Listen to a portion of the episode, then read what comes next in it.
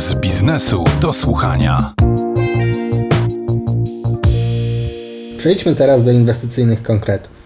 Coraz więcej funduszy zarządzających pieniędzmi prywatnych i instytucjonalnych inwestorów tworzy wehikuły, które dobierają spółki do portfela na podstawie spełnianych przez nie kryteriów klimatycznych czy społecznych i wykluczają takie, które na przykład produkują brudną energię czy szkodliwe dla zdrowia używki. To na fundamentalnym poziomie wydaje się nieco dziwne, bo przecież fundusze, najprościej rzecz ujmując, są po to, by pomnażać pieniądze klientów, a nie by zmieniać świat na lepsze. Dlatego o powody brania pod uwagę czynników ESG przy inwestowaniu i o to, czy nie traci się w ten sposób okazji do zarobku, postanowiłem spytać Joannę Ołasę, starszą analityczkę w NN Investment Partners TFI, czyli towarzystwie, które w ofercie ma m.in. Fundusz Odpowiedzialnego Inwestowania.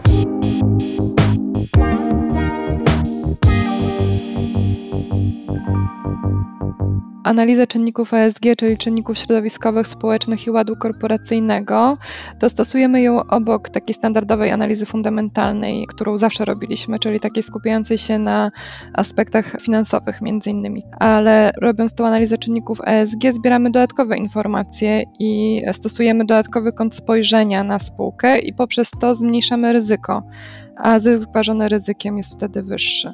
Potwierdzają to liczne badania, które były wykonywane w ostatnich latach, tak, że właśnie zysk ważony ryzykiem rośnie dzięki włączeniu tych czynników do analizy i to, co jeszcze niedawno zdawało się nie mieć znaczenia, staje się coraz bardziej istotne, biorąc pod uwagę po prostu otoczenie makroekonomiczne, regulacyjne i też społeczne. W NNTFI, jak czytałem na Waszej stronie, bierzecie pod uwagę czynniki ESG na trzech poziomach czyli duża część funduszy integruje analizę ESG, a kilka robi to trochę głębiej, czyli jak piszecie, promuje zrównoważony rozwój, a macie też fundusz NN Globalny Odpowiedzialnego Inwestowania, który ma wywierać wpływ. To może mi Pani wytłumaczyć tak prostych słowach, o co chodzi w tym podziale? Ten podział odnosi się do tego, jak ważna jest właśnie ta analiza ESG, o której przed chwilką rozmawialiśmy, i jak ważne są wyniki tej analizy w procesie inwestycyjnym oraz w procesie doboru spółek do portfela. I te pierwsze fundusze, o których Pan wspomniał, czyli fundusze integrujące analizę ESG, robią to na takim bardzo podstawowym poziomie. Fundusze promujące zrównoważony rozwój to takie, które dobierają spółki do portfela, które mają na celu promować właśnie właśnie ten zrównoważony rozwój, ale też nie, nie mają znaczącego negatywnego wpływu na środowisko. I to chyba to jest najważniejsze, że nie mają negatywnego wpływu na środowisko. A ten ostatni rodzaj, czyli ten wywierający wpływ przy selekcji spółek do portfela, dobiera spółki, które mają pomagać transformacji energetycznej albo w inny sposób realizować cele zrównoważonego rozwoju ONZ. A jakie spółki są wykluczone z inwestowania ESG i dlaczego? No bo mamy pewnie tam głównie czynniki środowiskowe, ale czy mogłaby Pani tak bardziej szczegółowo o tym powiedzieć? Jeżeli chodzi o te spółki, które są wykluczane z tego uniwersum inwestycyjnego, to chodzi tu przede wszystkim o spółki, które działają w sektorach, e, gdzie zmiana modelu biznesowego nie jest możliwa, a obecny model biznesowy w znaczący sposób negatywnie wpływa na środowisko i społeczeństwo. Jeżeli chodzi o szczegóły, to e, jeżeli spojrzymy sobie na innych asset managerów w ogóle w Europie, to sektorami, które się e, przewijają w ich wykluczeniach są przede wszystkim sektory wydobywcze, w szczególności te wydobywające węgiel kamienny i brunatny oraz produkujące tytoń, więc to jest taki powszechny powód do wykluczenia. A, rozumiem, że na polskiej giełdzie akurat nie mamy producentów tytoniu, no ale spółki węglowe są, czy też spółki energetyczne z dużym aspektem węglowym i rozumiem, że takie spółki nie mają co liczyć na inwestycje funduszy biorących pod uwagę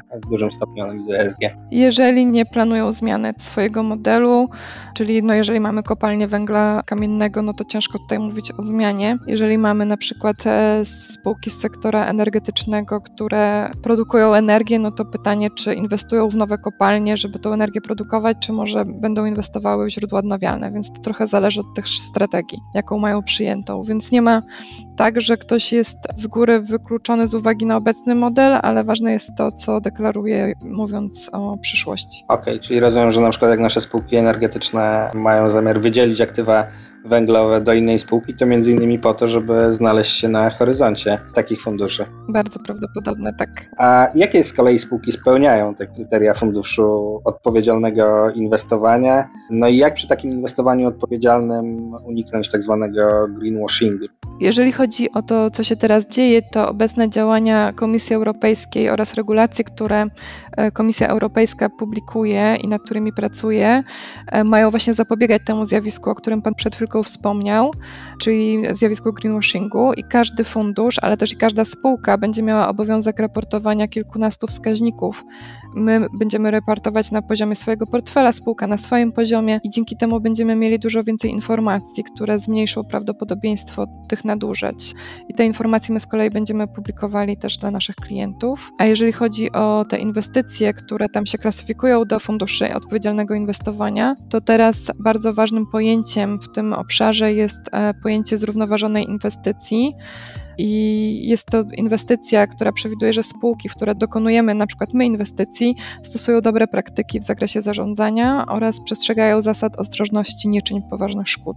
Tak naprawdę to jest ta kategoria inwestycji, które będziemy podawać i które będą decydowały o tym, czy dany fundusz będzie klasyfikowany jako odpowiedzialny, czy nie. A tak e, z ciekawości jeszcze dopytam, bo jak się analizuje mm, spółki właśnie pod kątem ich e, wpływu środowiskowego czy społecznego, to w jaki sposób się taką analizę przeprowadza? No bo ja rozumiem, że to największe spółki publikują swoje dane niefinansowe, no ale te raporty są trochę też niespójne, więc ja jestem ciekaw, jak się takie dane zbiera, analizuje, żeby podjąć świadomą decyzję o tym, czy spółka jest odpowiednia do inwestycji, odpowiedzialnej, czy też nieodpowiednia. To, co my zrobiliśmy wewnętrznie, to stworzyliśmy taki model, który służy nam do nadawania ratingów dla spółek.